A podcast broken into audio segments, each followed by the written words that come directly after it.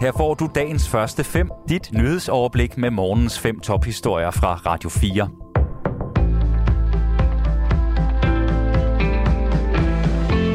Russiske separatister i fire ukrainske regioner gør nu alvor af trusler, som har ligget i luften i flere måneder. I dag bliver borgere i en række russisk besatte områder sendt i stemmeboksen for at bestemme, om de besatte regioner Kherson, Luhansk, Donetsk og Zaporizhia skal være en del af den russiske federation.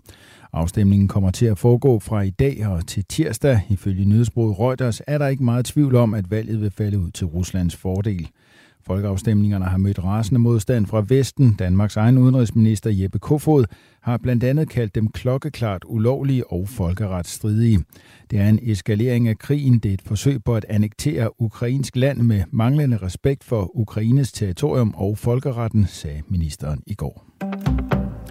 Fjernvarmekunder slipper for vilde prisstigninger. Prisen på gas er steget med 142 procent siden august 2021, men for fjernvarmekunder tegner situationen umiddelbart væsentligt mindre kritisk. Prisen på fjernvarme ser nemlig ud til at holde sig nogenlunde i ro ind i 2023.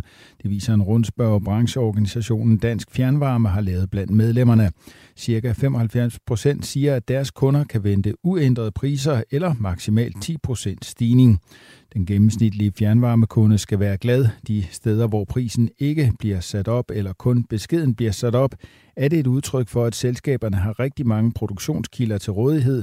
Det er det, der gør, at fjernvarmesystemet er så robust, siger Rune Mosgaard, der er politisk chef i Dansk Fjernvarme. Der er dog et men. Selskabernes budgetter for 2023 er lagt ud fra de nuværende gas- og elpriser. Hvis de ændrer sig, så kan prisen for fjernvarmekunderne ændre sig.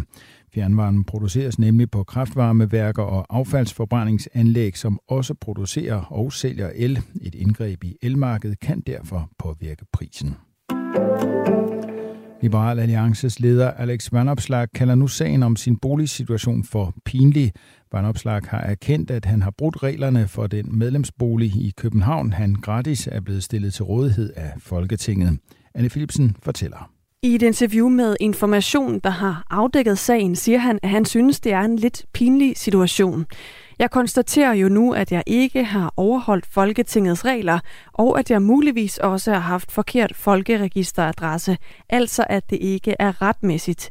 Så på den måde kan jeg jo godt uretmæssigt have fået stillet boligen til rådighed, siger Alex Vanopslag til avisen. Ifølge information har han officielt haft adresse i en lejlighed i Struer siden juni 2020. På grund af adressen i Jylland har han også haft adgang til en lejlighed i København, som Folketinget har sørget for.